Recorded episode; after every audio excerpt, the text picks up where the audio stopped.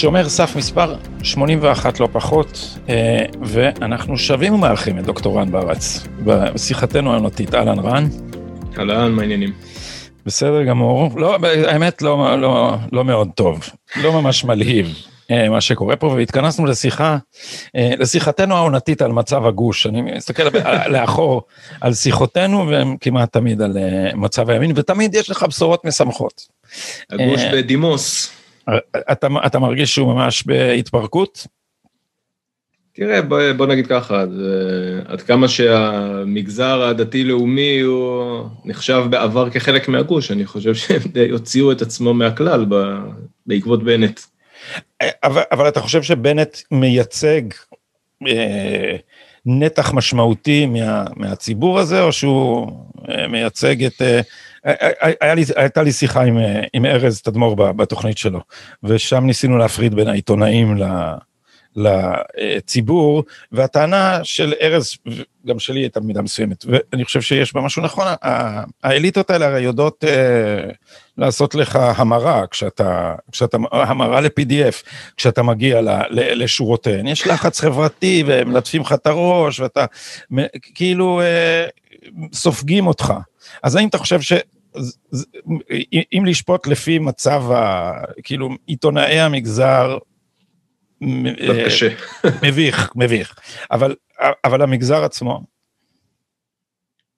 אני לא מסכים אם ארז עושה את ההפרדה הזאת בצורה מאוד נחרצת.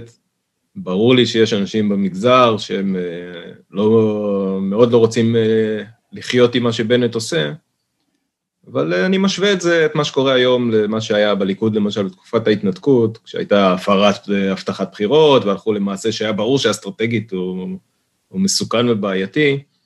אז בתוך הליכוד היה מרד מאוד גדול, והציבור של הליכוד מחה, ועשו משאל, והתנגדו במשאל, והיה ברור שרוב הליכודניקים לא רוצים את זה. גם אם, אתה יודע, הח"כים, וברור שהעיתונאים, היה, היו בצד אחד, היו מספיק ח"כים והציבור הביע את המחאה שלו, וראית את היתרון של מפלגה דמוקרטית, דרך אגב. ואני מסתכל על המגזר, לא על העיתונאים שלו. אני מצפה לראות כל זעקה. וזה נכון שחלק מהזעקות מתועלות ומטווחות על ידי העיתונאים, וזה חלק מהתפקיד שלהם, ועכשיו השאלה, כן, עד כמה הם לא עושים את התפקיד שלהם, או שאין באמת כל זעקה. מכיוון שאני לא רואה, אני חי בתוך המגזר, כן, אני גר, גר בכפר אדומים, שזה מעוז אה, קדמי של אה, ימינה. בנט זוכה פה כל בחירות. אם, אה, אם, אם הבחירות של כפר אדומים היו מדינת ישראל, הוא היה מקים ממשלה לבד. אז... אז בנט ולא סמוטריץ'? לא ציונות דתית? לא, לא, לא, זה כפר אולי. איך ההפרדה היא סוציולוגית? היא... כן, למה כן. דווקא אצלכם? כי מה? תראה, זה, זאת התנחלות, אבל זאת התנחלות יחסית פתוחה וקרובה לירושלים, והיא לייטית נחשבת, כן? זאת אומרת, לא רק מבחינה דתית, גם יש לנו אידיאל של השתלבות, יש פה הרבה חילונים, אז זה יותר קרוב לציבור הדתי-לאומי הלייטי, מה שנקרא. אני חושב, אני לא אוהב את הכינוי לייטי, אבל מכיוון שהם לפעמים מכנים כך את עצמם, אז, זה בסדר להשתמש. אבל אני, אני לא רואה, אני לא רואה את הזעקה, אני לא רואה את הצעקה, זה מאוד מאכזב. אז מה קרה? אנשים הצביעו לאיש שאמר, שהתחייב, אני קראתי את מאמרך במקור ראשון בסוף השבוע, שהבאת שם את ההתחייבויות, בחתימה, בדם ליבו, אמר שמשקרים כשאומרים עליו, שבשום פנים הוא לא יישב עם לפיד, איך זה בחיים? למה? כי לפיד זה שמאל והוא ימין. האנשים האלה הצביעו לו על סמך ההבטחות האלה. אז עכשיו הם הולכים איתו ביוטרן הזה? אפילו עוד יותר גרוע מזה. קודם כל, תראה, אני, אני חייב להגיד, יש משהו שככה הלך לאיבוד בשיח האידיאולוגי. יש לו שבעה מנדטים, שישה בלי שיקלי, ואני מתחייב בפניך בהן צדק. גם אם uh, האדם האהוב עליי ביותר בפוליטיקה, ולא משנה מתי ובאיזה נסיבות, אם הוא ידרוש להיות ראש ממשלה עם שישה או שבעה מנדטים, אני אצחק עליו. זה פשוט מעשה לא דמוקרטי. זה שאפשר לתחבל את ה... להיות נבל ברשות הדמוקרטיה, מה שאני קורא, וללכת להיות ראש ממשלת שמאל בגלל שאתה מביא שישה מנדטים מהימין, זה ממש לא מעניין אותי. וגם הפוך, כשאמרו ש... שנתניהו שוקל לעשות אה, עם גנץ, עם השמונה מנדטים רוטציה, גם התנגדתי לזה. אין דבר כזה ראש ממשלה לא לגיטימי, אנחנו עושים פה כזאת חבלה בדמוקרטיה, אנחנו יוצרים כזה זלזול כלפי הבחירות וכלפי רצון הבוחר, זה פשוט דבר...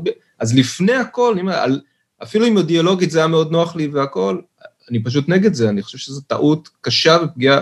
ועכשיו אני הולך למה שאתה אומר, מה שהבאתי במאמר זה חלק קטן מהציטוטים, אתה יודע, יש כל כך הרבה, לא סתם בנט רץ לפני הסוף שבוע והתחיל למחוק סרטונים מהטוויטר שלו, לדעתי זה לקח לו כמה שעות. יש לו כן. שעות של התחייבויות, שעות. עכשיו, גם אני כותב במאמר, כשבנט מתחייב, הוא לא אומר, אני לא אשב בממשלת לפיד. הוא אומר, לא יעלה על הדעת שבשום נסיבות לעולם ואף פעם לא יקרה ולא יכול להיות כי, ואז הוא נותן נימוקים, כי אני אדם ערכי ואידיאולוגי ויש לי אינטגריטי. וככה יש בריאיון שלו עם אופירה וברק, אינטגריטי. אני, אני היחיד עם אינטגריטי פה, ככה הוא אומר להם, בגלל זה אפשר להאמין לי. עכשיו אני אומר, אז גם, אז יש לך פה עוד, אה, עוד רובד, שאתה אומר, לפני האידיאולוגיה, קודם כל, איך אתם מסכימים לזה שישקרו ככה ציבור, ועל בסיס השקר הזה יהפכו את ראש ממשלה, וזה עוד יותר מצחיק, כי ביום שישי, אחרי כל המשאים ומתנים שלו, הוא כתב שהוא מוכן לשלם מחיר פוליטי בבייס שלו. ומה המשמעות של זה? הוא אומר, אני ב... אני, ברור לי לגמרי שאני פועל בניגוד לרצון הבוחרים שלי כשאני הולך להיות ראש ממשלה, זה פשוט לא יאומן. והוא מתגאה בזה כאילו זה משהו להתגאות בו. אני אשלם מחיר אישי, איזה מחיר אישי? אתה הולך להיות ראש ממשלה על ידי זה שדרכת, ועוד הערה, כי זה פשוט, זה קומדיה בלתי נגמרת. כתב את זה אדם גולד, הוא צודק, אני רציתי לכתוב את זה, והוא כתב את זה בשבילי. כל ההבטחות האלה הגיעו בשלב האחרון של הקמפיין, ממש בשלב האחרון, בגלל שבסקרים הוא ירד וירד וירד, וזאת הייתה הדרך שלו למנוע את ההידרדרות, ההתחייבויות האלה היו הצלת הקולות שהעבירו אותו את אחוז החסימה. הוא אמר, הליכוד מריץ את הספין הזה נגדי, וזה לא נכון, כן? אני מתחייב ומתחייב ומתחייב, וככה אנש... הוא זכה באמון שבסוף נתנו את השבעה מנדטים. תשמע, לא היו דברים כאלה. עכשיו, אני, יש, אין גבול לציבור, אני מסתכל על הציבור הדתי-לאומי שהצביע לבנט. בסדר, אתם לייטים, אתם מרגישים בנוח עם השמאל, הכל נחמד. אתם באמת מוכנים לגבות התנהלות כזאת? אתם באמת רוצים להגיע ככה לראשות ממשלה? אין שום קו אדום, לא מוסרי, לא פוליטי, לא דמוקרטי, לא אידיאולוגי, לא לאומי, אתם יכולים לזרוק את כל הימין, את החרדים, את, את הליכוד, שעל כתפיהם בנינו פה התנחלויות, ביחד, גם אני גר בהתנחלויות. בנינו וקידמנו את הערכים המשותפים, לא כל הערכים בינינו משותפים, אבל בנינו הרבה מאוד שנים, ב... את הכל אתם זורקים, לא ממצמצים, איפה הצעקה, גדי? אתה אומר לי, העיתונאים מופרדים מהציבור. אני רוצה את הציבור הזה ברחובות. עם ראש ממשלה, כש... הרי זה לא תיאורטי, כשראש ממשלה שלי עשה להם מעשה נבלה, אני הייתי ברחובות איתם. אני כתבתי מאמרים. המאמרים שלי לקחו אותם בנקודה, אורי אליצור התקשר אליי בלילה, אומר, תשמע, אני צריך מאמר שלך למחר. אני החילוני, הימני החילוני, כתבתי לו מאמר לנקודה. כתבתי למקור ראשון, כתבתי למעריב, כן, היינו, הייתי שם ברחובות איתם, זה היה מעשה שלא ייעשה. עכשיו, אני לא, לא עצם המעשה, אלא האופן שבו הוא נעשה. האופן שבו הוא נעשה, וזה בדיוק מה שבנט עושה. לא, גם, אני שם בצד את הפגיעה בימין וכולי, לא אכפת לכם, אוקיי. אבל האופן התנהלות הזה מקובל עליכם? אני, אנחנו הלכנו ואמרנו, זה לא לגיטימי, דרשנו משאל, הוא הפסיד במשאל, צעקנו, זה לא לגיטימי, עשינו הכל, ו, וכל הזמן אמרתי, דרך אגב, גם אז, אם זה יעבור בצורה נאותה, אם עם ישראל יגיד ויגבה את המהלך, וזה לא יהיה נכלוליות פוליטית, אז אני אהיה במיעוט, אני אתנגד למהלך, אבל לפחות הוא יהיה, יקבל בעיניי לגיטימציה דמוקרטית. על ההתנתקות אני מדבר. והם מוכנים ככה עם שבעה מנדטים ביחד עם השמאל. אני אומר לך, לא ראיתי דבר כזה, וזה ציבור שמחזיק מעצמו ערכי ומוסרי ומטיף לאחרים, ויש לו דרשות ויש לו דרישות, ושתיקה רועמת. אני אהיה רגע מוטי קרפל. אז הציבור הזה אומר, אבל נתניהו הוא מושחת, והוא תוקע את כל המערכת, וחוץ מזה הוא תמיד יושב עם השמאל, ואי אפשר לקחת העם לעוד בחירות, ונפתלי בנט מציל אותנו פה ברגע הקריטי מהתפוררות של כל המערכת. מערכת תתפורר בגלל שהם מפוררים אותה. ותראה, הקרפליות... אבל ככה הם חושבים שהם ערכיים, כי הם אומרים, כי נתניהו מושחת, כי נתניהו עם השמאל, כי נתניהו, כי נתניהו. תשמע, זה, זה מצחיק אותי, יש, יש להם כל מיני טיעונים, כל מיני נציגים, כן, ודמויות אה, בולטות במגזר, אבל בסופו של דבר, בוא אני אגיד לך את השורה, אפשר, יש הרבה דברים שאפשר לצחוק עליהם פה, כן, בטיעונים שלהם, באמת טיעונים מגוחכים, כמו שהמסקנה היא שנתניהו צריך ללכת, ואז תהיה ממשלת ימין, כל מיני דברים כאלה שממשיכים להגיד, או, ש, או שנתניהו היה צריך להמליץ על בנט, מיני, שבנט לא המליץ עליו, עם שבעה מנדטים לא המליץ על השלושים בגוש הימין, אבל השלושים צריכים להמליץ על השבעה. פשוט אה, לא להאמין שאנשים מגיעים לרמות אבסורד, לא, ולא להבין שזה אבסורד, כן, זה הדבר המצחיק. אבל בשורה התחתונה, מה שבאמת, השבר, וזה שבר שאני ניבאתי שבנט ייקח את הציונות הדתית אליו ב-2013, כשהוא נכנס לפוליטיקה, ואני יכול גם להגיד למה. השבר האמיתי שנוצר אצלי עכשיו, כן, אני מרגיש, בהתנתקות הרגשתי כמוהם, ועכשיו אני מצפה שהם ירגישו כמוני. בגלל שמה שהם עושים זה מה ששרון עשה להם. כמובן, יחסי הכוחות הם שונים, כי לשרון היה מפלגה גדולה ו- ולהם יש מפלגה קטנה, אבל זה הדבר, מה, מה שרון עשה, שרון דרס אותם, דרס. הוא התחיל לנאום נאומים נגדם, הוא התחיל לה, לה, להסית נגדם, וההתנתקות נשענה על הדבר הזה של אתם לא אנחנו, אנחנו לא גוש, אנחנו לא כלום, זה לא ימין, אתם פה ואנחנו פה. והם עושים לליכוד עכשיו את אותו דבר, הם לא רואים את 30 מנדטים של הליכוד, הם לא רואים אותם. הם לא רואים אותם. זה נראה להם, הם, זה בכלל לא בסט שיקולים. לא, מה, דיברתי עם עשרות אנשים, אף אחד לא אמר, כואב לי על מה שעושים לליכודניקים. אחד, אחד. זה פשוט מזעזע אותי, ואני אומר, במובן הזה, באמת, הצליחו להוציא את המגזר מהמחנה הלאומי. הוא לא שייך למחנה הלאומי יותר, כי רגשית הוא לא שייך. כי הוא לא אומר לעצמו, איך אנחנו עושים את זה לשלושים מנדטים שותפי הדרך האלה? זה, זה ברק וצד"ל. אני, אני מרגיש שהם עכשיו התנתקו, הם התנתקו מהמחנה הלאומי. וזה דבר חמור מאוד, עם השלכות הרבה יותר גדולות מאשר הוויכוחים הקטנים והטקטיקה הפוליטית וכל הדברים האלה. רגשית הם לא שם, רגשית הם לא איתנו. אמ, אני מרגיש שאולי חלק מההסבר הוא, ובמידה של צער אני אומר, שנדמה לי שההסבר של אבישי בן חיים יותר טוב משלי בהקשר הזה, בהקשר של הציונות הדתית. כי כמו שזה, וגם אה, פרופסור אבי בראלי אמר משהו כזה בטורו המעולה ב- בישראל היום, שזה ברית האליטות. זאת אומרת שהדבר הסוציולוגי הוא ש... שבסוף הם לא באמת אוהבים את הליכודניקים. בסוף הליכודניקים זה מזרחי, זה מנגלים, זה לא תרבותי, זה מירי רגב, זה כל השמות האלה, אוחנה ואמסלם, ובסוף סוציולוגית הם רוצים להשתייך לגלריה, מוסף גלריה בהארץ. כי הם, הם, הם, הם ליבם בעצם עם, עם השבט הלבן. עכשיו, למה זה לא מסתדר עם התיאוריה שלי? כי זה לא מסתדר מפני שאי אפשר להגיד שהם ניידים, נכון? המתנחלים הם, הם לא ניידים ו, ו, והם כן אה, לאומיים. זה קצת מסתדר אבל עם התיאוריה שלי, הם, הם לא, לא ניידים, אבל הם uh, עובדי מגזר ציבורי, זה מה שמנייד אותם. ש... דרך אגב, אני לא צוחק, יש שם גם כן, זה, הרי אני גם אומר לך הרבה זמן, כן, יש אליטה כזאת, אליטת המגזר הציבורי, אליטה בפני עצמה, ו... אז נכון שהם לא ניידים במובן הרגיל, אבל הם לגמרי חלק מהאליטה הניידת, בגלל שהם כן איתה בחיכוך גבוה.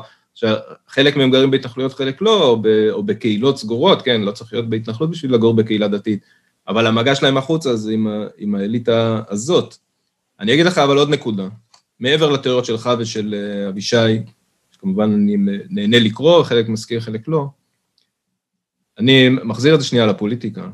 אני, מה, מה זיהיתי ב-2013 אצל בנט, שגרם לי לכתוב אז, שהוא הולך והוא חוצץ ובא להרחיב את הפער בין הליכוד לציבור הדתי-לאומי. בעצם האסטרטגיה של בנט מההתחלה הייתה לא לתקוף את השמאל, אלא לתקוף את הימין. הוא ניסה לעשות קריירה פוליטית בכל מיני דרכים, כן? הוא, הוא קיבל להיות ליכוד ב', הוא ניסה לעשות דברים אחרים. הוא ניסה לעשות את הקריירה הפוליטית שלו מזה שהוא ייבנה על חשבון הליכוד. עכשיו, יש תחרות בתוך הגוש, תמיד הייתה, כן? גם דרעי רוצה מנדטים של הליכוד, וגם הליכוד רוצה מנדטים, של... וליברמן רצה, תמיד יש את התחרות הזאת. אבל בנט הביא אותה לסוג של ניגוד, כן? ירי בנגמש, כמו ש... הוא הביא אותה לניגוד מאוד מאוד חריף, והרטוריקה שלו הייתה הרבה יותר קיצונית ממה שמקובל, ואני ראיתי שהדבר הזה, כן, בתור אסטרטגיה, הוא פשוט רע. תחרות בתוך הגוש זה דבר בריא, אבל מה שהוא עשה זה, הוא בא במטרה לחסל, כן? הוא לא, הוא לא, דרעי יודע ש... שהוא צריך ליכוד אה, חזק בסוף, כי זה חלק מהקמת ממשלה. בנט לא עושה, אין לו, הוא לא עוצר באדום והוא לא, אין לו שום אה, בעיה. אז מה הוא עושה? הוא היה, הוא היה מכפיש, אז כשהייתה תגובה, אז הוא היה צועק, הם מתקיפים אותנו, הם יורים בנגמ"ש, הוא נגד הציונות הדתית, נתניהו תמיד היה נגד הציונות הדתית. נתניהו מוקף כולם בציונים דתיים, אבל יש לו ביקורת שהוא יותר מדי, הוא, הם מעוותים לו קצת את הפרופורציות הלאומיות מרוב שהוא מוקף בציונות דתית. אבל בנט היה כל הזמן, הטקטיקה שלו הייתה לחדד כל הזמן את, ה, את הפער, ליצור, והרבה פעמים באופן מלאכותי, אבל, אבל כנראה שזה קצת עבד. זה נשען על ההתנתקות, כן, שזה, הם סופרים את זה לליכוד, למרות שזה לא, לא לגמרי מדויק, זה נכון שזה נציגי הליכוד עשו, אבל כמו שאמרתי, הליכוד כמפלגה דווקא התנגדה ונאבקה, עד שהיה צריך לפצל אותה והיא כמעט התרסקה אחרי ההתנתקות, בגלל הדבר הזה. אבל, ב, אבל באופן כללי, נכון, אנשי ליכוד וחלק מהליכוד היו קשורים להתנתקות. אבל הציבור הליכודי לא אהב את ההתנתקות, והיה לגמרי ב, בליבו עם, עם הציונות הדתית, ואחרי כמה שנים גם ראינו את זה הסתדר מהר מאוד. בנט בא על הרגשות האלה של, של האיבה שנוצרו בהתנתקות, הוא בא להרחיב ולהרחיב ולהרחיב את, את הדבר הזה, והיום הוא, הוא קצת קוצר את הפירות, הוא לא נהיה יותר פופולרי, אבל הוא הפך את הליכוד למישהו שמבחינתם הוא בכלל לא ראוי לשיח, כן? תחליפו את המנהיג שלכם, אז נשב איתכם, כל מיני דברים כאלה. הם בחרו בנתניהו כמו שאתם בחרתם בבנט, מה אתם, איזה מין טיעון זה בכלל, ב, לאדם דמוקרטי וליברלי, איזה מין טיעון זה, זה, אתה יודע, יש בתורת המשחקים פרדוקס הסחטן. שני אנשים נכנסים לחדר, יש 100 שקל, וכשהם מחליטים איך מחלקים את זה, אז הם יוצאים ומקבלים את החלק היחסי. אז כל אדם רגיל אומר, אנחנו נעשה 50-50, כל אחד יקבל 50 שקל ונצא. הסחטן אומר, אני לוקח 99 שקלים ואתה מקבל שקל. ואם אתה לא תסכים, לא אכפת לי, אני אצא עם אפס, אין בעיה. אז עכשיו מבחינתך רציונלי לקחת את האחד, כי אחרת יהיה לך אפס. כן, אז זה הסחטן. עכשיו, הם הסחטן, והם לא, לא מרגישים אבל כסחטנים, הם מרגישים שהם, אה, יש להם טיעון מאוד טוב. זה, מזכיר לי נקודה אחרונה, ככה ב...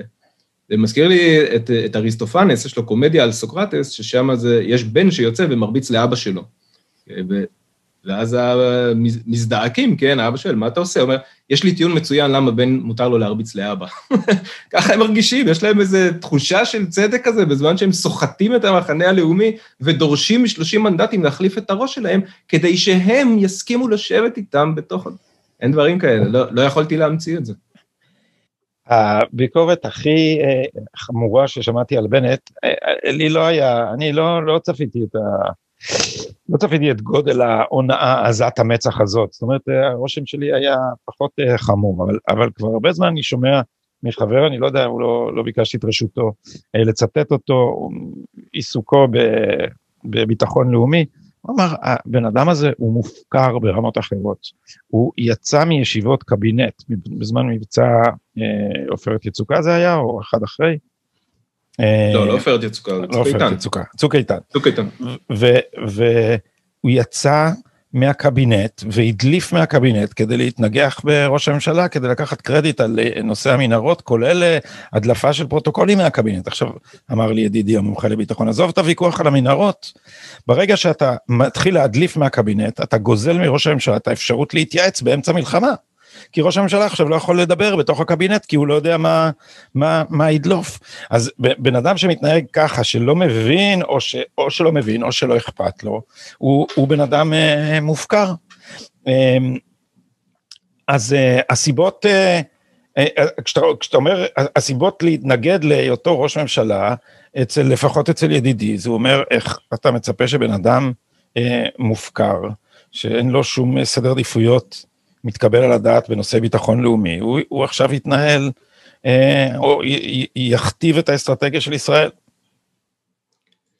טוב, תראה, אני, אני אגיד, קודם כל, סימני אזהרה, כן, אם אני ראיתי את זה ב-2013, אז uh, היו כל הזמן, יש כאלה שהם חוזרים אפילו אחורה, ל-2011, על המחאה החברתית, על, על הדיור, אם אתה זוכר, ושם יש את דני דיין, שמאז כבר uh, הספיק להחליף uh, חלק ניכר מהרחב, אבל אז הוא היה משהו במועצת יש"ע, נשיא או לא יודע מה, ובנט היה מנכ"ל, והוא ביקש ממנו לא ללכת למחאה החברתית, והוא כן הלך. ואז דני דן כעס עליו ופיטרו את בנט או משהו כזה, והסיפור שם. יש, אז יש לי כמה דברים להגיד על זה, על, על הסימני אזהרה. אני דווקא, הסימני אזהרה שלי היו בצד הפוזיטיבי של התעמולה של בנט. כי הצד הפוזיטיבי של התעמולה של בנט זה כמו המחאה החברתית, הוא תמיד כיוון לתל אביבים, הוא, הוא יכול להתחפש לאיפסטר. הוא הייטקיסט, הוא שייך לשם, כן, הוא הציג בצורה לא מודעת, הקמפיינים שלו היו כל הזמן, אני חלק מהאליטה הזאת. זה מה שהוא קרץ איתו, אוקיי? זה לא אני הימני, המסורתי, הדתי, המתנחל, הוא, הוא יכול להתחפש לאיפסטר, הוא יכול לעבור אצלם. ואז הוא אמר, אני לא מתנצל, זאת אומרת, אנחנו נהיה, וזה השותפות, זה בדיוק השותפות של האליטה הזאת שאתה, שאתה מדבר עליה. הסימן הזרה הכי גדול שלי הוא כן מצוק איתן, לא בענייני הדלפות, במשהו אחר. כי... ובעניין הזה הייתה בינינו, ביני ובין בנט, גם התקדשות ציבורית, שבה הוא הכפיש אותי כמובן, כינה אותי בשמות ו- וכל מה שצריך. כי אני התעסקתי הרי בענייני המנהרות, אה, כי ריכזתי את התגובה למבקר המדינה. עכשיו, מה שהיה, שבנט ולפיד וארדן הלכו למבקר המדינה ואמרו ש, שלא היה שום דיון במנהרות.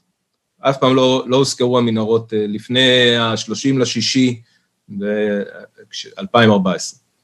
ואני לקחתי את כל הפרוטוקולים של הדיונים, והוכחתי למבקר המדינה שהיו די הרבה התייחסויות מכל, מ... באמת, עשרות דיונים, משהו כמו 12 בכירים של הבכירים, מראש ממשלה ורמטכ"ל וראש מל"ל וראש שב"כ ומה ש... התייחסות והתייחסות והתייחסות והתייחסות, ומבקר המדינה שינה את הדוח שלו, זאת אומרת, בהתחלה הוא הדהד את מה שאמרו לו בדיווחים, וזה כמובן נהיה הקונצנזוס התקשורתי, אבל אז כשהגיע החומר, אז הוא הוציא דוח סופי שהיה מאוד מאוד שונה מהטיוטה. וחלק ממה שהוא עשה זה פרסם חלק מהציטוטים מהקבינטים לפני ה-30 ליוני, שבה דיברו על מנהרות.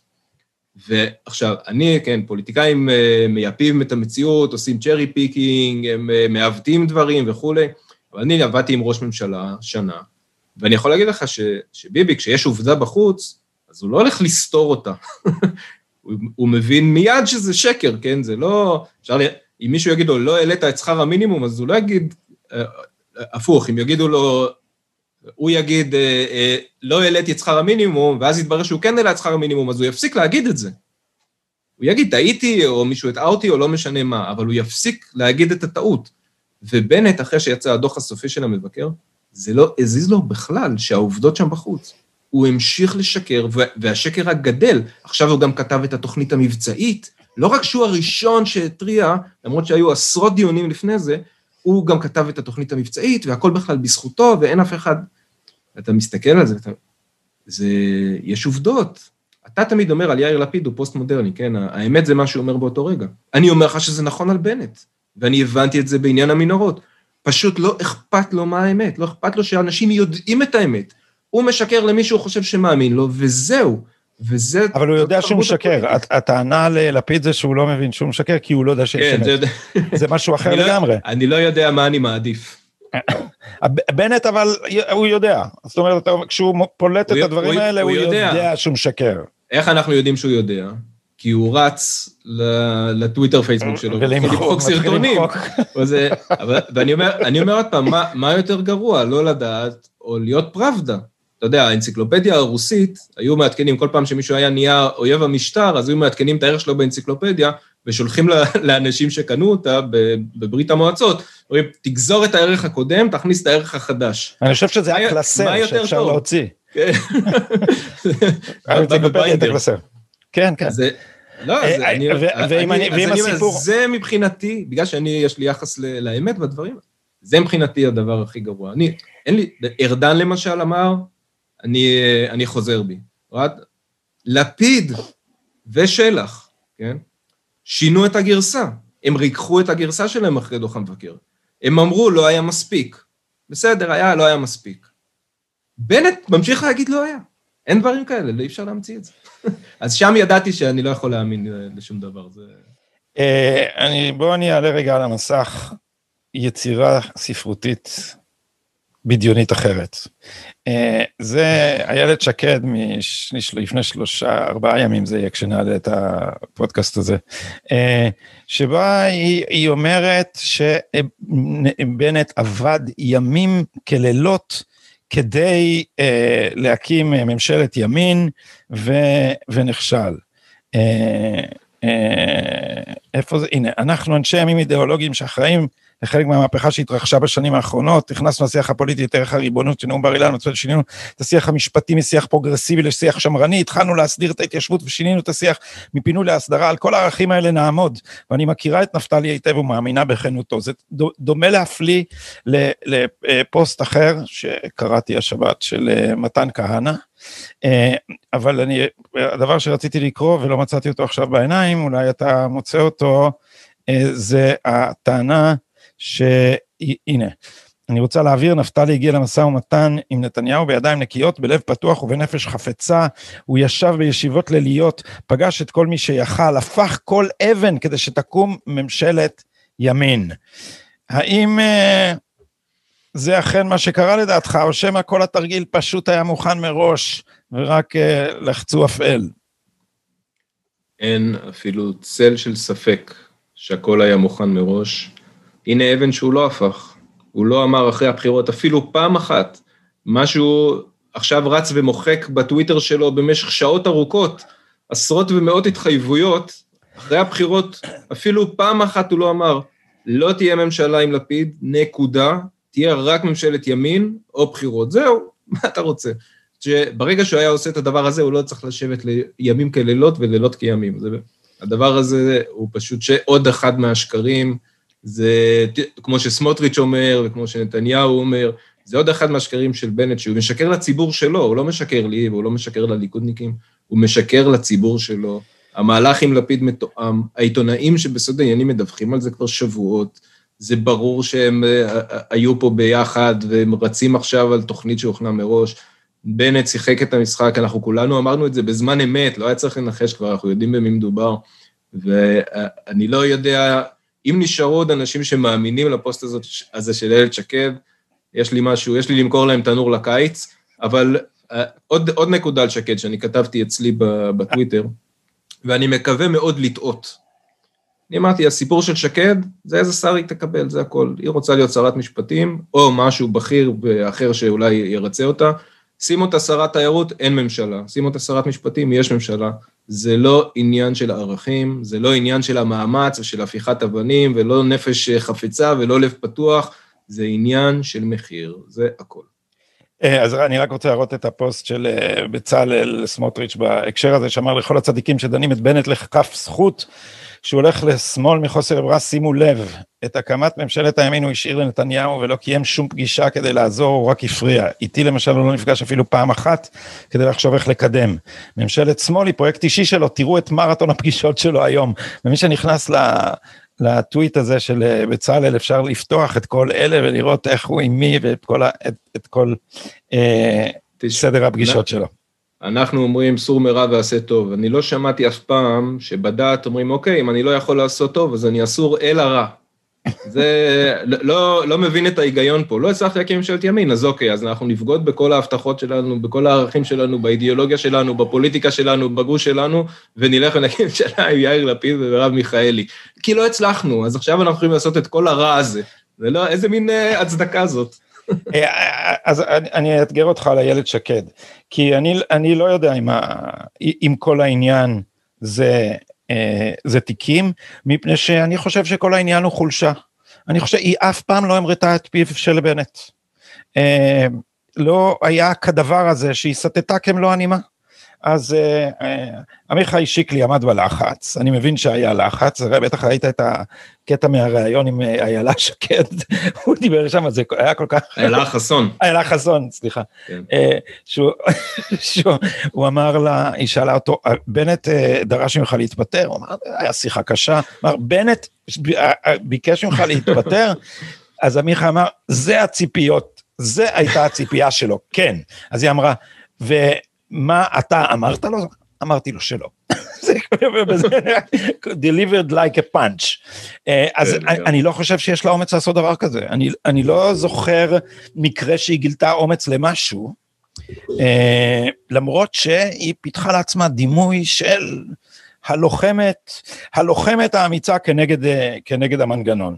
ואדם... תראה, על, על, על המנגנון צריך עוד לדבר, אני רק פה נתניהו עשה טעות לדעתי לפני שנתיים, או מה שזה היה, במהלך הסבבים הראשונים, שהיא מאוד מאוד רצתה לבוא לליכוד, ונתניהו בסוף אה, לא, לא לקח אותה, אני חושב שהוא עשה פה טעות. אני אז יצאתי פומבית נגד זה שלא לוקחים אותה, וביקשתי שיקחו אותה, וזה היה מהלך אה, חשוב מאוד.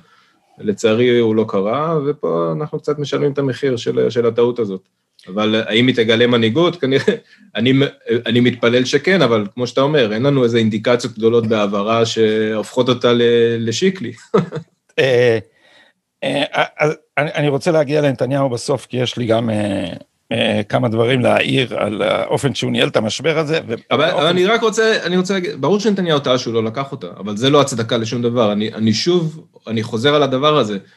זה שעשו לך רע, או זה שאתה לא הצלחת לעשות את הטוב, לא נותן לך כרטיס כניסה לגן עדן דרך גיהנום. זה לא עובד ככה. אם אתה עכשיו עושה רע, אתה רע.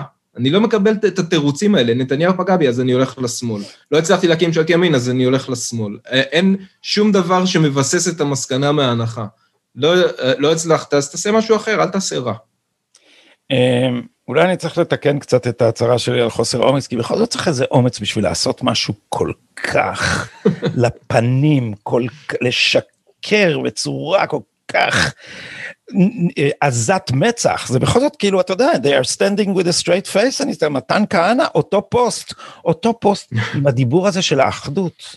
אנחנו נלך עכשיו לממשלת, אתה, כאילו, זה האיש שאמר, אני, אני שמתי את זה כי פשוט זה היה כל כך מצחיק, כי זה, זה, זה בנט קטן, נכון? זה כאילו מתן כהנא אמר לבועז גולן, אני, אתה, אל ת, אני לא אשב עם מרץ, אתה תהיה רקדן בבת שבע לפני שאני אשב במרץ. רקדן בבת שבע, אתה לא יכול להגיד אני לא רוצה לשבת עם מרץ. אז שמתי את זה בטוויט, בפייסבוק שלי, וכמובן שההצעות לכרטיסים לבוא להופעה של בועז גולן, אצל אוהד נהרי, אה, מילאו את, ה, את הפייסבוק שלי לגמרי, אבל אני... תראה, אני, אני, לחזור... אני מאוד uh, זהיר בעניין הזה, כי תמיד עומדת להם הגנה, שבעצם בנט עבד גם עליהם, ועכשיו אין להם ברירה. אז uh, הם או הולכים עם בנט או לא יודע מה, אבל בסדר, אל, אל תלכו עם בנט, זה כמו שאני אומר כל הזמן. זה שעשו לך משהו, לא נותן לך את הזכות לעשות דבר כל כך רע. זה דבר באמת רע ברמות אחרות, זה פשוט פירוק של uh, גוש הימין בבסיס הכי אידיאולוגי שלו, כי עם החרדים אפשר להגיד זה ברית של נוחות. אבל עם הדתיים לאומיים זאת הייתה באמת ברית לאומית. ואולי... פשוט, והוא... מה שאני, אני, הם הוציאו, הם, אני דתי לאומי, הם הוציאו את הלאומי, עשו עליו אה, קו מקווקו, הם כבר לא לאומיים, עם כל הכבוד, אי אפשר להגיד אחדות בלי הציבור המסורתי. הציבור המסורתי לא שקוף.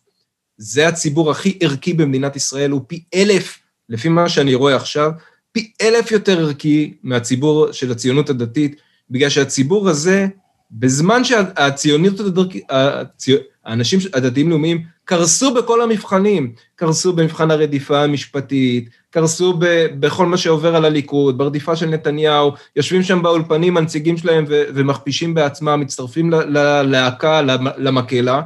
הציבור היחיד שגילה חוסן לאומי אמיתי, זה הציבור של הליכוד פלוס החרדים. זאת האמת הפשוטה, הם, הם נכנעו לתעמולה של השמאל, בלעו אותה על קרעיה וקרבה, וזה פשוט, אי אפשר להשוות את, ה, את הרמה המוסרית והלאומית של שני הציבורים האלה. עכשיו, אני מקווה לתשובה, כן, אני מאמין בתשובה, שיעשו תשובה, אבל הם צריכים להבין שהם חטאו, והם צריכים לעשות תשובה חזקה לפני שבנט יבסס את החטא הזה בתולדות מדינת ישראל. תשמע, אז אני, אני אציע לך הסבר יותר פסימי ממך, איך אני. אה, ש, שמתבסס, ש, שמתבסס על, אה, על, על עברי הרחוק ב, ב, בשמאל. שאז הסתכלתי על המתנחלים ואמרתי, יש פה בעיה, אני כתבתי עליהם אה, ספר שעם רובו אני עדיין מסכים. למרות שהפרספקטיבה שלי השתנתה, אבל אני לא חושב שהניתוח מוטעה. אה, היה, היה משהו כשהקשבת בשנות ה-70 לאופן שבו הם דיברו, הם כאילו הצ, הציונות, מה שאנחנו קוראים הציונות, שזה החזרה של עם ישראל להיסטוריה בתור סובייקט היסטורי פעיל ריבון על עצמו, היא בשבילם איזה, היא, היא, היא, היא התחנת התרעננות בדרך לגאולה. הם לא לקחו אותה ברצינות. זאת אומרת, אנחנו באנו מתחת להיסטוריה כאובייקטים שנדרסו על ידי סובייקטים חזקים מהם, עברנו דרך רגע להיות סובייקט, וכבר אתה קורא במניפסט של גוש אמונים, הציונות היא רק שלב בדרך לגאולה של עם ישראל והעולם כולו. והם לא פיתחו מעולם תחושה יציבה של המעשה הריבוני. אז אחר כך הם משווים את עצמם למפא"י, אבל המפא"יניקים, תשמע, המפא"יניקים עם כל חסרונותיהם, לא היה להם הם לא מצמצו מול המציאות והם ידעו להעריך את הכוחות הפועלים. כאן אה, זה כמעט, אתה מסתכל על זה ואתה אומר, אתה יודע למה זה דומה? זה דומה, זה מזכיר לי את ילדי הפרחים בשנות ה-60. היה משהו בהתלהבות הזאת, זאת אומרת, זה, זה, זה גרסה דתית של איזו התעוררות רוחנית אופורית, ש, שאיבדה את, ה, את הקשר למציאות הזה. אחר כך הם חטפו על הדבר הזה בהתנתקות. ההתנתקות הייתה מהלומה וזה, והתוצאה היא שאתה יודע, מהרב קוק נשארו כל מיני... לא יודע איך להגיד את זה, עקיבא נוביק, נשארו כל מיני, אה, כאילו,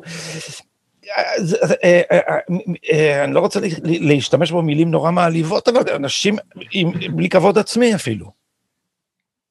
אני אקח את זה למקום קצת אחר, ברשותך. אתה, אתה מסתכל על זה כמו שמאלני לשעבר, בחנת אותה מדייט. הסתכלת מה האידיאולוגיה, מה הם באים לממש, מה התכלית ההיסטורית. ואני, בתור אדם שמרני מהרקע היווני שלי, אני מסתכל על הדברים מאוד אחרת. אני, שמרנות היא קודם כל בוחנת את האופי, היא בוחנת את הפועל, כן? איך, איך אתה מתנהג. ובעניין הזה, אני הרבה יותר מזה, ערכים, בסדר, מה, יש הרבה אנשים שאני מעריך מאוד, למרות שהערכים שלנו מאוד מאוד שונים, אבל הם מנצ'ים, אתה יודע, אין דבר יותר כיף מלהגיד על מישהו שחולק עליי בצורה שהוא מנץ', ויש כאלה.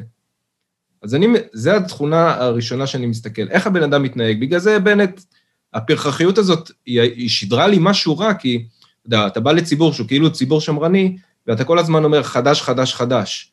אבל הציבור הזה לא אמור להתלהב מהחדש, זה לא ילדים, זה ציבור שצריך להיות מסורתי, הוא צריך דווקא להגיד, רגע, רגע, לאן אתה רץ, חביבי, זה לא, לא הכל חדש. בעניין, אני אתן לך עוד דוגמה בשביל להבהיר את זה.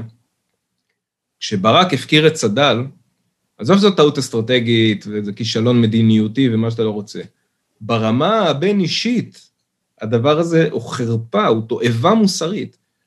להפקיר את האנשים ששיתפו איתך פעולה בתוך מציאות מאוד מסובכת בלבנון, ועכשיו אתה בבת אחת בורח ומשאיר אותם לידיים של האויבים הכי גרועים שלך, כן? זה אנשים שסיכנו את המשפחות שלהם, סיכנו את החיים שלהם, לפחות תחשוב עליהם כשאתה...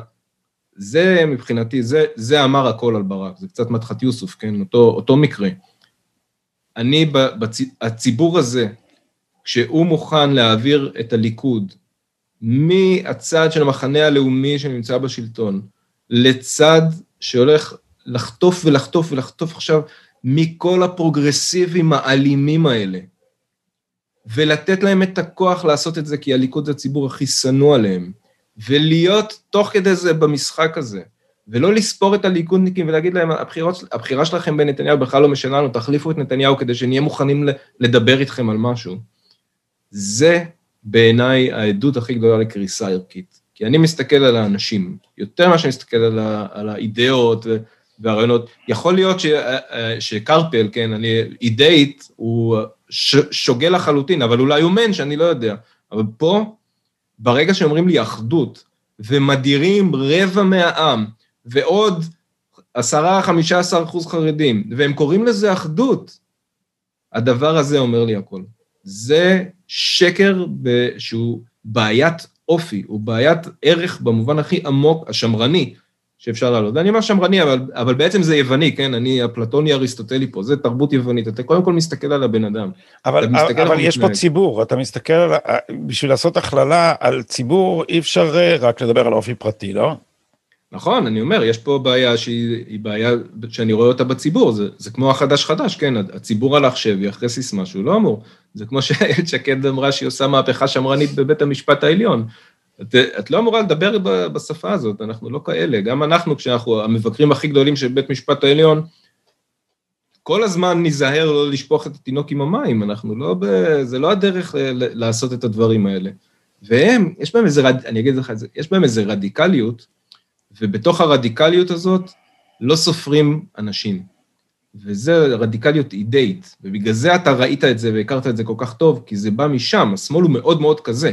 הוא מאוד אוהב את הרעיונות הגדולים, את התיאוריות הגדולות שלו, והוא לא רואה אנשים. ומי שרואה קודם כל אנשים, בעיניי הוא יהיה פוליטיקאי הרבה יותר טוב והרבה יותר מוצלח. אמ, ואם שקד תהיה אה, שרת משפטים שוב, אה, האם, האם אנחנו יכולים... אז הקלטות של אפי נווה יהיו בטוחות. אבל האם אתה רואה, כלומר, איך אתה... ה reputation שלה היה שהיא נלחמה ב deep state, שנלחמה באוליגרכיה המשפטית.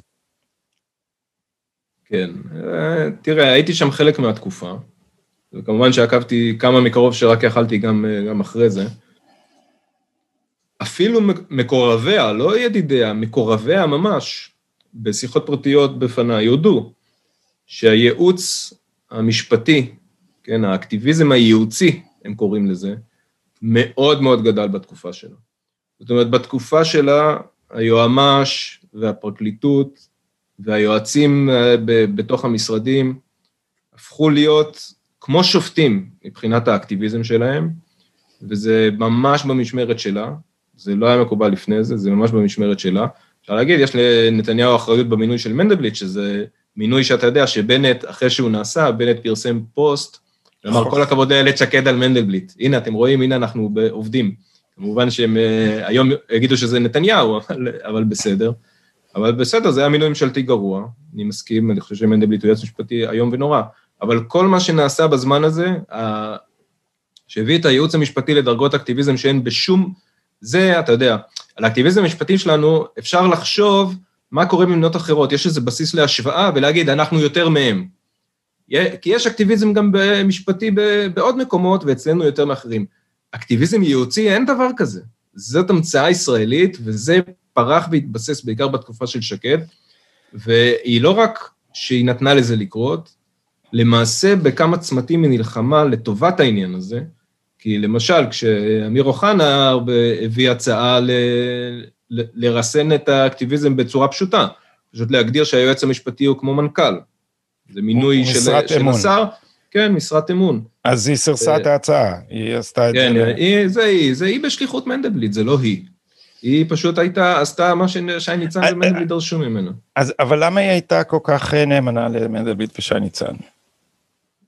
אני, אין לי תשובה לזה, היא בסך הכל נכנסה, אתן לך תיאוריה, היא נכנסה בתור שרה מאוד מאוד צעירה וטריה, לא חזקה, אין לה אופי חזק ב, בעניינים האלה, והן דמויות חזקות במשרד, מקצועיות, מובילות את המשרד, וכל המשרד איתם, זאת אומרת, זה להילחם בהם, זה לא להילחם רק במנדלבליט והמשרד איתך נגד מנדלבליט, אני, אני יודע מה שרים עוברים, כן? זה כל המערכת המשפטית וכל המשרד וכל הפונקציות הבכירות, והיא אפילו לא החליפה מנכ"לית, והמנכ"לית ברור שהייתה בצד של מנדלבליט ושי ניצן. זאת אומרת, הייתה לה מעטפת מקצועית מאוד מאוד חזקה שאמרה לה, אל תסתבכי ואל תילחמי על זה, ואת תאבדי את המשרד, אני יודע איך הפקידים מדברים, את תאבדי את המשרד, את לא תוכלי לעשות פה כלום, הם יעשו לך אה, שביתות ויעשו לך אינתיפאדה, וכל השרים מקבלים את העצות האלה, דרך אגב, זה לא... והיא זרמה עם זה, היא לא, היא לא השרה היחידה שזורמת עם הדברים האלה, אבל במשרד המשפטים זה פשוט כל כך קריטי, שאנחנו אכלנו אותה חזק, ולכן שר משפטים חייב להיות מישהו מאוד מאוד חזק, מישהו שאין לו מה להפסיד, הייתי אומר, מישהו ש... מינוי מבחוץ זה מצוין, כי אם אתה רוצה עתיד במערכת הפוליטית, אז אה, שרות משפטים, כמו שאנחנו יודעים, זה לא הדבר אה, הכי טוב לעשות, אלא אם כן אתה מתכוון לשרת את המערכת, אני יודע, אבל אז אה, בימין לא כל כך יאהבו אותך, אני מעריך. אז יש שני הסברים, אולי לא בהכרח סותרים. אחד אומר, אולי האסטרטגיה הייתה, היא אמרה, בית, אני אתרכז בבית המשפט. ובתמורה אני אוותר לפרקליטות, אני אוותר לפרקליטות על זה שאני אתן להם לסלק את הילה גרסטל ולשים במקום זה אה, נציב שאין לו שום סמכות, אני אכנע להם בעניין אה, ועדת החקירה לרות דוד ואני אכסה על זה, אה, אני לא אציק להם בעניין התיקים התפורים, וזה בתנאי שייתנו לי לעבוד בשקט, כי הדבר הבאמת חשוב זה לעשות שינוי בבית המשפט. זה הסבר אחד.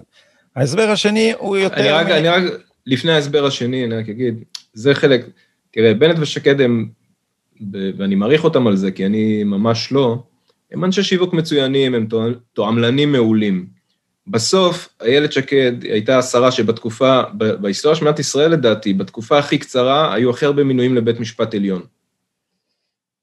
ובאמת הייתה לה הזדמנות להגיד, אוקיי, אני שמה את כל הז'יטונים על בית משפט עליון, ולא עושה שום דבר חוץ מזה. בסופו של דבר, היא מינתה שני שופטים שהם פרוגרסיביים מתנחלים כאלה, ושופט שמרן אחד, וכל השאר פרוגרסיביים מוצרים, כן? לא... זאת אומרת, מתוך שישה-שבעה מינויים, בעצם יש את שטיין, וכל השאר, זה נכון שהם כיפה מהתנחלות או, או מהציבור הדתי-לאומי, אבל מבחינה משפטית הם לא איזה שמרנים גדולים, אוקיי? זה לא, הם גדלו ב, ב, ב, באקלים המשפטי הישראלי, ואין להם שום בעיה להגיד, אנחנו צריכים להתערב גם בנושא הזה וגם בנושא הזה וגם בנושא הזה. ולכן, אני חושב שאם, אני אומר את, עוד פעם, אנחנו דיברנו על זה פעם, אני אומר את זה בצער, היא פספסה הזדמנות היסטורית באמת לשנות את ההרכב האידיאולוגי בבית המשפט העליון, ובסוף היא שמה, יש עלה תאנה אחד שאפשר להתגאות בו, ועוד שני שופטים דתיים, שלדתיים זה חשוב שהם דתיים, אבל לי כמובן זה בכלל לא מעניין, אני רוצה שופטים שמרנים, לא דתיים. אני חושב ששטיין הלא דתי הוא הרבה הרבה יותר שמרן משני השופטים הדתיים שהיא מינתה, אז ככה שהיחסי כוחות כאן זה סוג של פיקציה. וההסבר השני, הוא נקרא לו בשם קוד הטלפון של אפי נווה. עכשיו, אולי יש עליה, אולי הם מחזיקים אותה איכשהו, אנחנו לא יודעים, אנחנו לא יודעים מי, מי מחזיק את מי, אבל אה, שי ניצן הרי לקח את הטלפון של אפי נווה, והיחיד ש, היחיד שלמד איך להתמודד עם השיטות האלה של הפרקליטות, שלוקחים לך את הטלפון ועכשיו אתה תקוע, תקוע עם החיים שלך תקועים בכספת של, של מישהו, זה אפי נווה, כשאמרו לו, יש לנו את הטלפון שלך, הוא היחיד שעלה בדעתו להגיד, גם לי יש את הטלפון שלי. ואז הוא התחיל להדליף מהטלפון שלו גם. עכשיו, זה לא... איילת היא לא אפי נווה בהקשר הזה, זה, אז, אז זה לא ככה שאם היא תגיע לשם, היא, אפשר לצפות שהיא, שהיא תנהל מלחמה. בכל מקרה זה, אבל זה כן ככה לקח שמרני, אני חושב, בעניין הזה, שגם היא וגם בנט במידה רבה, רצו מהר מדי, גבוה מדי, ו-they didn't pave their way up, כן? כל הזמן אצה להם הדרך, הם נורא רוצים את התיקים הכי בכירים כמה שיותר אז זה משרדים שקשה לנהל אותם, אתה חייב לבוא עם איזה גרביטס בשביל להיות מסוגל לא רק לעמוד מול הפקידים, אלא גם להזיז אותם קצת. ובמקום זה, כשנכנס שר צעיר כמו שקד, אז אומרים לה, זה הכל פה סחר מכר, את צריכה לאכול עם המשרד, אין מה לעשות, אז רוב מה שהוא יגיד תעשי, ואולי פה ושם, זה, זה לא גישה טובה, בטח במשרד המשפטים, צריך, אה, צריך משהו אחר. אז כל הריצה הזאת היא מזיקה. אני, כמו אני, הריצה עכשיו לראשות הממשלה. האכזבה שלי הייתה, אני זוכר פשוט את הרגע, כי ב, ביום שבו הודיעו על כתבי החשדות, זה מוסד חדש, אני לא שמעתי קודם על כתבי חשדות, אה, היה ברגע שפרסמו את כתבי החשדות, כי זה היה רגע לפני הבחירות, בתזמון מושלם, אז נתניהו נשא נאום מאוד אה, נרגש, שאמר, זה מתפרת התיקים, ואמר שי ניצן, ליאת בן ארי, בשמותיהם וכדומה, והסתכלתי על זה בטלוויזיה, מה שאני עושה לעיתים מאוד נדירות, ותוך חצי שעה הגיעה הודעה משקד שהיא מגבה את הדרג המקצועי. אני, אני, עכשיו, שוב ושוב ושוב. תשמע, זה, זה, לא הפעם היחידה. זה האירוע, האירוע הגדול של העשור אולי, מבחינת הימין, שהמנגנון שה, הזה כיוון את החוק הפלילי הפעם לא על אריה דרעי, ולא כן. אפילו על אולמרט, ולא זה, אלא הפעם על הראש של המחנה ה- הלאומי, וברגע הזה אתם מגבים את הפקידים. כאילו, בעצם שרת המשפטים אומרת, ראש הממשלה אומר שתפרו לו תיקים, אבל הוא משקר, זה מה שהיא אומרת. עכשיו, כשאתה מסתכל על זה, אתה אומר, היא אשכרה בצד שלהם. זאת אומרת, האנשים האלה לא מבינים שאם אם, אם, אם, אם, אם יקרה מה שכנראה קורה אחרי שיערפו את הראש של נתניהו, אתם כולכם תמלכו רק בחסדיו של המשמר הפרטוריאני של הפרקליטות. את כולכם הם יחזיקו בגרון ואתם תהיו עושי דברם המוצרים. את זה הם לא מבינים. הם כבר עכשיו מוחזקים, אז נראה לי שהם אה, מבינים יפה מאוד, כי מאיפה הם מוחזקים? לצידם. ממתי, במה? תראה, אני... מחוק ישראל היום, הרי הם, הם קימבנו, נכון, נפתלי נהדר, והיא עשתה, אני לא זוכר מה, היא הייתה חתומה על זה, איילת. כן. אה, זאת אומרת, הם, הם, הם, הם כמו לפיד, קימבנו מאחורי הקלעים, בחשו כן. את הדבר המכוער הזה, שזה מדהים, פוליטיקאים ימנים מנסים לסגור את כלי התקשורת של הימין. בהתח... תראה, קודם כל זה לא כלי התקשורת היחיד של הימין שהם ניסו לסגור. ו... מה, מה זאת אומרת? אני, אני אגיע לזה. אבל אה, כן, תש... אני, בוא נגיד ככה, אם בנט יהיה ראש ממשלה, יש לי טור במקור ראשון. ואני בטור שלי כותב את עצמי, כן? אני לא... אני צופה שיהיו לחצים גם על זה, אני לא אתפלא בכלל. כי, כי, כזה, כי זה האופי שלהם, הם, הם כאלה. שקד אמרה, הם כבר לא מתכחשים לזה, כן? זאת אומרת, בהתחלה הם רצו קצת להתנער מחוק ישראל היום וכולי. בסוף היא אמרה שהם התעמרו בה, או משהו כזה, בישראל היום, התעמרו בה ובבנט. אני בדקתי את זה באופן שטחי, לא בצורה מקצועית, לא זיהיתי שום התעמרות. אני אומר לך באמת, אני לא יודע על מה, על מה הם מדברים. זאת אומרת, היו איזה כתבות שער נגטיביות על בנט ושקד ב, לפני 2013, 2014, איפה? תראו, אני לא מכיר דבר כזה, זה פשוט אה, לא היה. אולי היה איזה, איזה כתבה ביקורתית פה ושם, אבל המון המון ביקור, ביקורות טובות, הרבה כתבות טובות. סתם המצאות, שמע, זה שקרים שלא נגמרים הדבר הזה, זה, אין לזה סוף. אבל יותר חשוב מזה, בסוף, אנחנו פה, אם בנט יצליח ויעשה ממשלת שמאל, אנחנו נכנסים לעידן פרוגרסיבי, כן? אנחנו הרבה שנים לא היינו בעידן פרוגרסיבי. וממה שאני רואה מההתנהלות החסרת מעצורים שלו, אני, זה, הימין אה, ייכנס למשטר אימה, אנחנו התרגלנו פה לטוב, כי נתניהו, למרות כל מה שמייחסים לו וכל השטויות, הוא אדם מאוד מתון ומאוד ליברלי, והם לא, והם בצד של הטובים, הם בצד של הפרקליטות, יהיה להם גיבוי להכל, מה אתה חושב שחוק ישראל היום היה נפסל? היה, היה עובר בקלות. אז עכשיו בועז ביסמוט, מה יעשה? הוא יהיה ביקורתי כלפיהם, כשהוא יודע שהם בהינף יד סוגרים לו את העיתון, אין להם שום בעיה, אין להם שום מעצור. הדברים האלה הם, הם על השולחן, זה כבר אקדח שהם שמו על השולחן. זה מאוד מאוד מטריד. מאוד מאוד מטריד, אבל אני אומר עוד פעם, יותר מטריד אותי שיש ציבור שמוכן לעמוד מאחורי התנהלות כזאת, כי זאת התנהלות פרועה. ועכשיו, תן לי שנייה לעשות שיווק. בבקשה. אני אנסה. כי באמת אתר מידע, מאז 2013, הוא היחיד שמעז להגיד את הדברים האלה.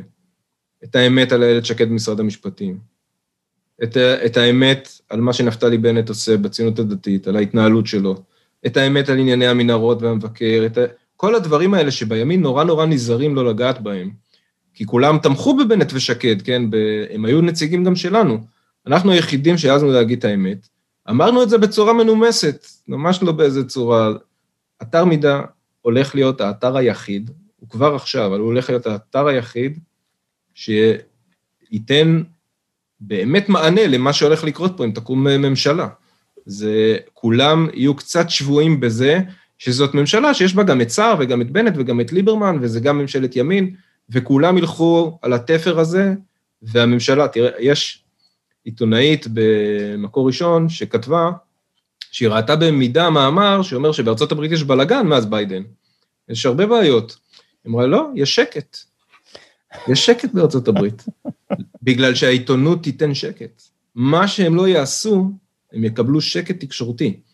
והמקום היחיד שיישאר, שהוא כבר הרבה שנים כזה, אבל עכשיו זה הולך להיות פי אלף יותר בולט, כי זה יהיה שלטון שמאל, זה יהיה אתר מידע, ושאר התקשורת תפחד מהם פחד מוות, כבר עכשיו מפחדים, כבר עכשיו מת, מתקשים מאוד לבקר את המהלכים הבאמת מופרעים שהם עושים, ולכן כל מי ששומע אותנו עכשיו, אני בדרך כלל אתה מגיע לאלפי צופים, כולם צריכים ללכת לאתר מידע ולעשות מנוי, ורק ככה, מי שקרא מידע מאז 2013, יודע פחות או יותר את הקווים הכלליים של האמת ביחס למפלגות בימין, וזה יהיה המקום היחיד. אני קורא לאנשים, אני, אני בדרך כלל לא עושה את זה, ואני ממש גרוע בזה, ואני בטוח שזה לא הפורטה שלי, ממש לא. אני יכול אה, לדבר על דברים ענייניים, קשה לי לדבר על, על מידע. מידע היה, אני אומר את זה בגאווה גדולה, היה המעוז של האמת בתוך הימין. הוא לא כפוף לשום לחצים, והוא לא, לא ישקר לאף אחד, אנחנו נגיד את האמת שלנו, והנה, 2021, זה ה vindication שלנו.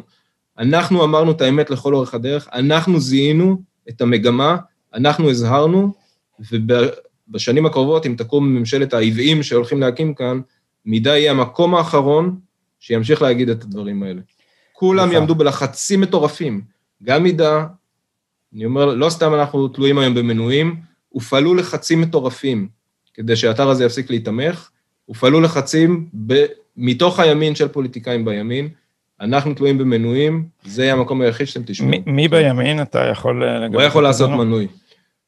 מכיוון ימינה. בימינה לא אוהבים ביקורת מימין, אז, אז הם לא אהבו את התרמידה. אז קודם כל, הערה קטנה בתור מנוי של מידה, אני אומר לך, אני, יש לי מנוי חודשי למידה. אז יש שני מקומות שישארו חופשיים, זה מידה ושומר סף. אז המנוי אצלנו הוא חינם, אני בטוח שלך כבר יש אחד. ביותר מפלטפורמה אחת. ובכל זאת אני חושב ש, ש, שריבוי הפלטפורמות לא יאפשר השתקה כמו נגיד בתקופת ההתנתקות. אה, תלוי במה יקרה ברשתות החברתיות, אבל אני גם, אני בעניין הזה אני טיפה פחות פסימי ממך, מפני שאני חושב ש...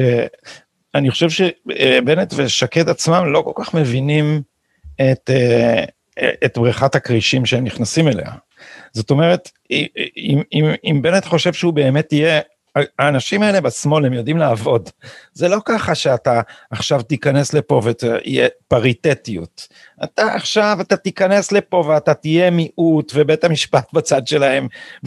וזאת אומרת, רק אם אתה תהיה מוכן למכור הכל ולהתמסר לגמרי לערכים הפרוגרסיביימיות, להתחיל לשים נקודה עם אה, ו' ת' בסוף כל אה, מילה זכרית, אה, אם אתה לא תתמסר לגמרי, הם פשוט, אני לא רוצה להשתמש בו דימויים יותר מדי מיניים, אבל לא, לא יישאר, לא, לא, לא יישאר הרבה מ... זה יותר, יותר גרוע מזה, הנה, הנה אני מצליח להגיד שזה יותר גרוע ממה שאתה אומר. מחזיר לך על מקודם.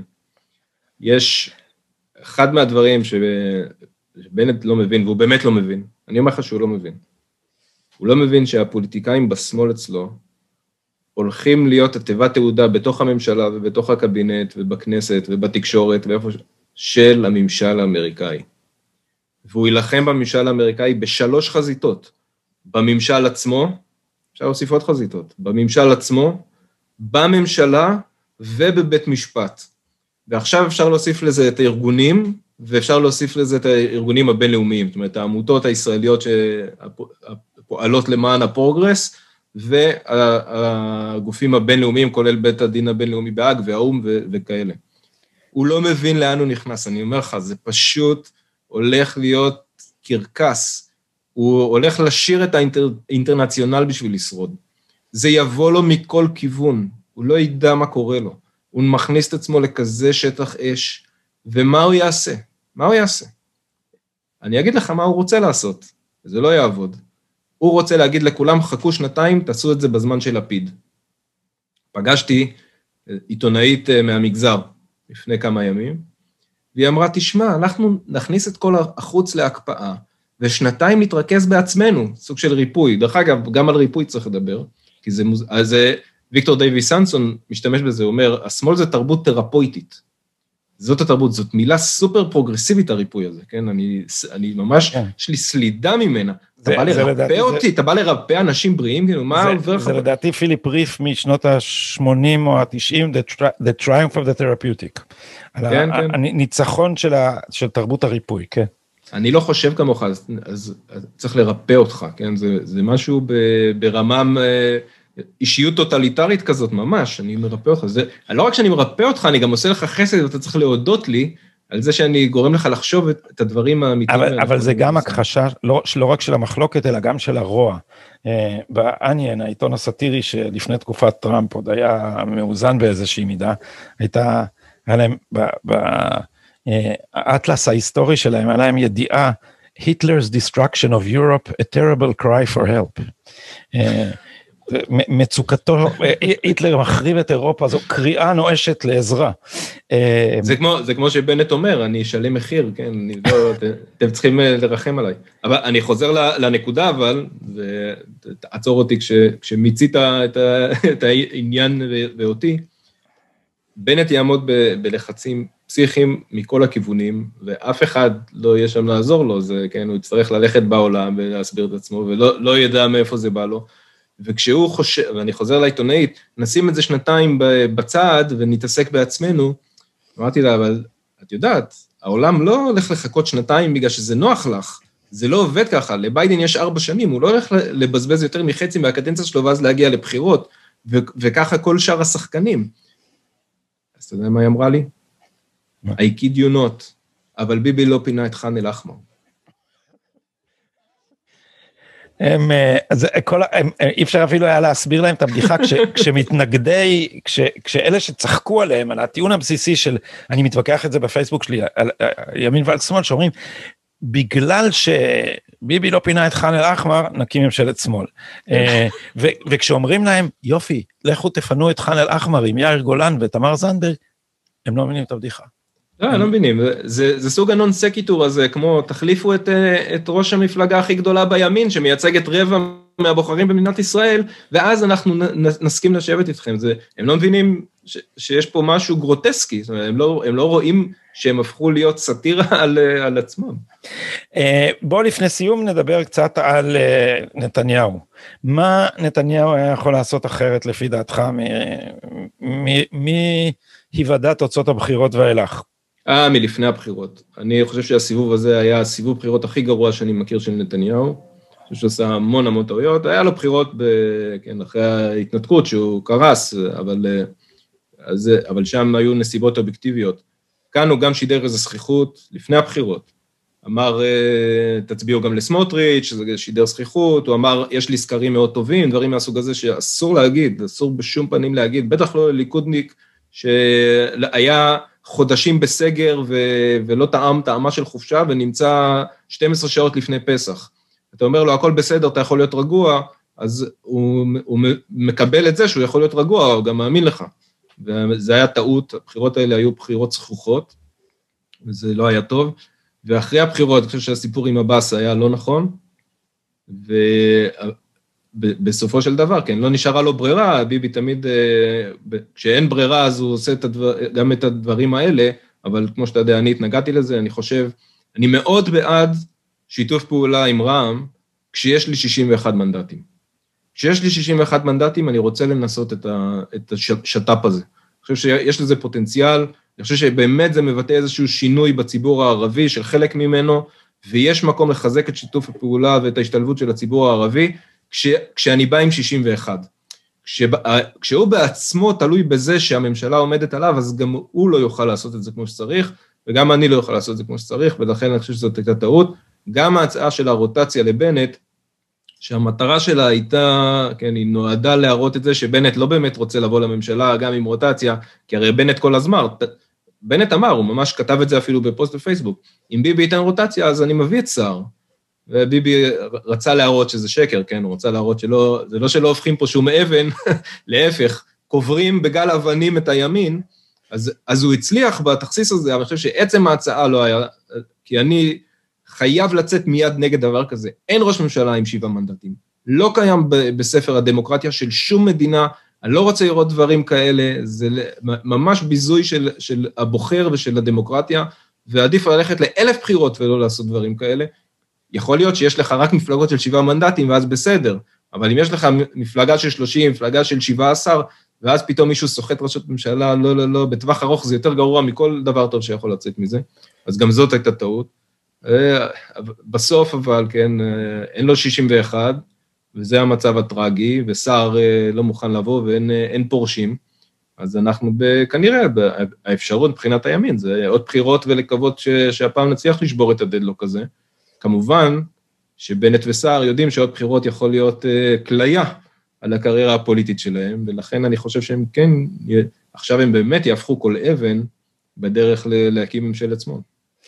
אמ, חגי סגל כתב במקור ראשון בסוף השבוע שאם יהיו בחירות נוספות הימין יתרסק.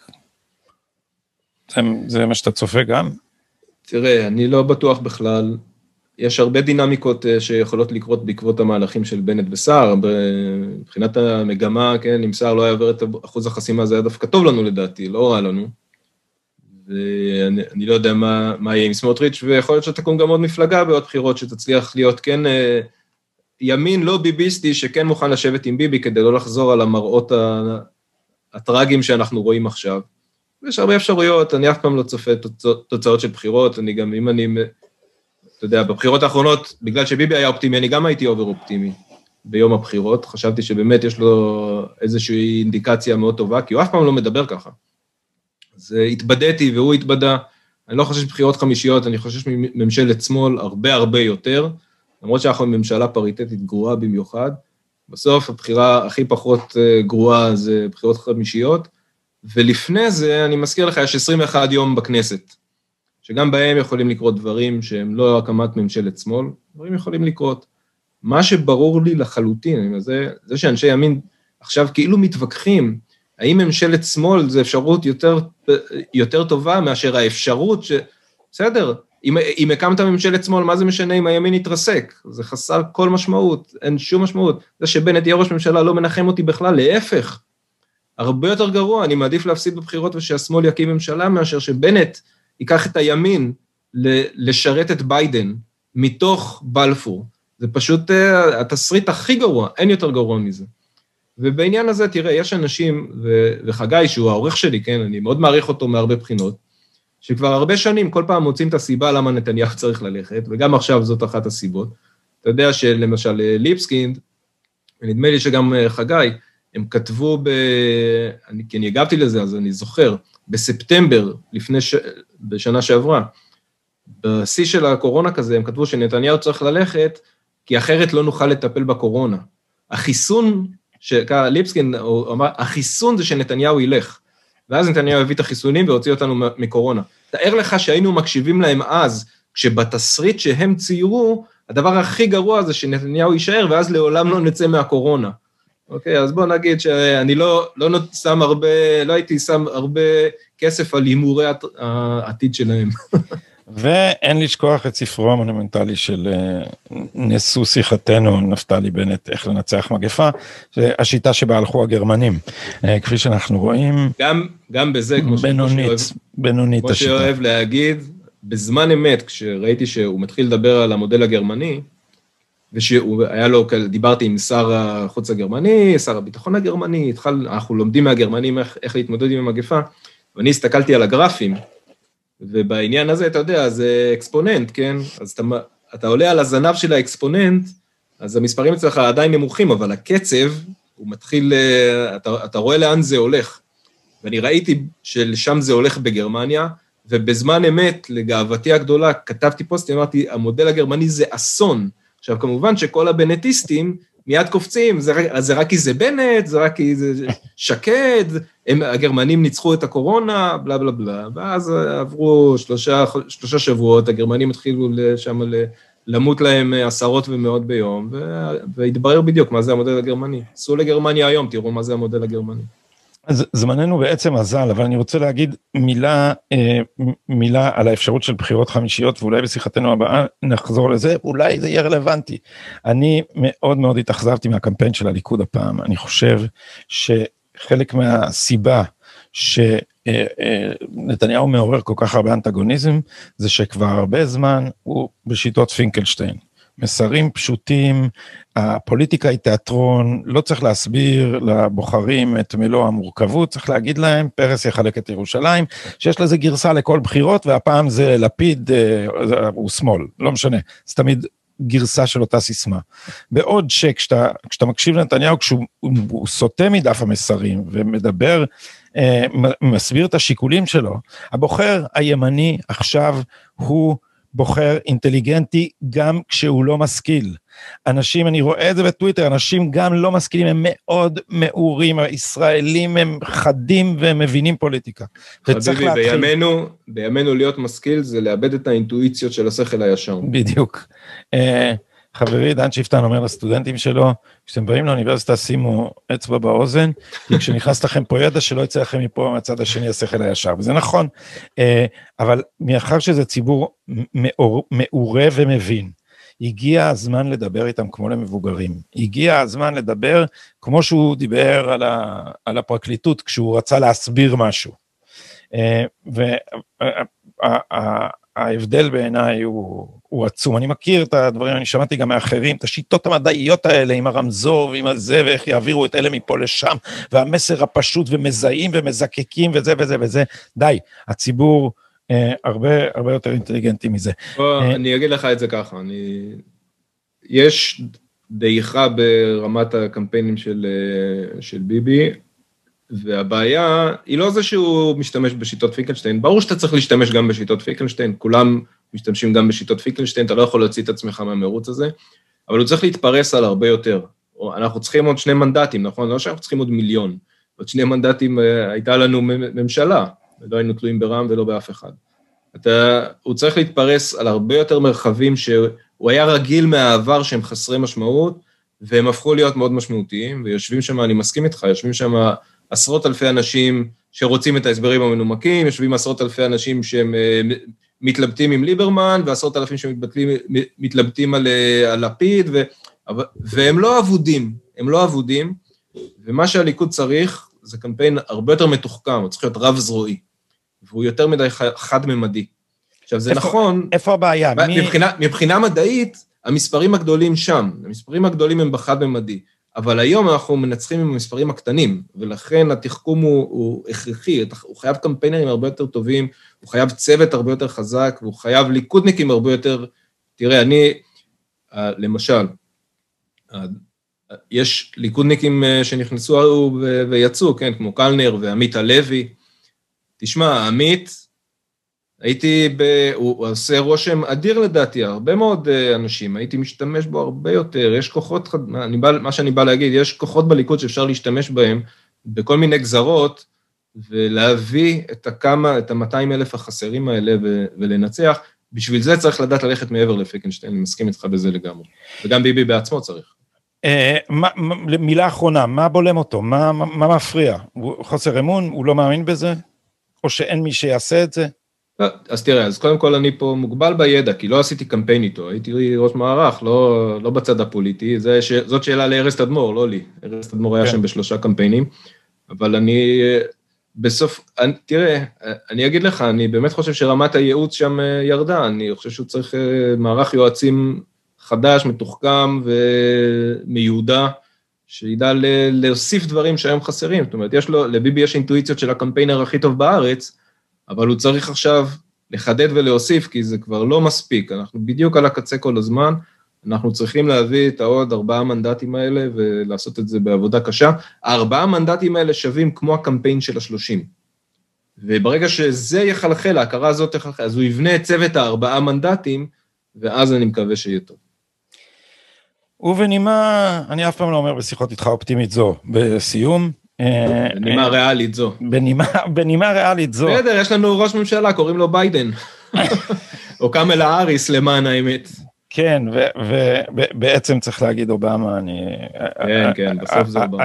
העניין של מה שקורה עכשיו עם, עם הסכם הגרעין הוא לשיחה נפרדת, אבל פשוט כל אנשי אובמה מנהלים את זה, ו... אה, זה לא נכון. כל אנשי אובמה הקיצוניים מנהלים את זה. כן. הקיצוניים, ביידן לקח את הכי גרועים. הוא לקח את אלה שהיו בקצה. כן. והמתונים, גם אלה, תראה, יש אה, מאמר שהולך לצאת של אה, מייק, שהוא מראה שגם אלה שחשבו שהם איזה אמצע, או כאילו, לא, לא, לא. לא, לא, הם ההצגה, הם הפרונט שמשמש לשימון החזוק. אז, אז לא בנימה אופטימית זו. בואו ניפגש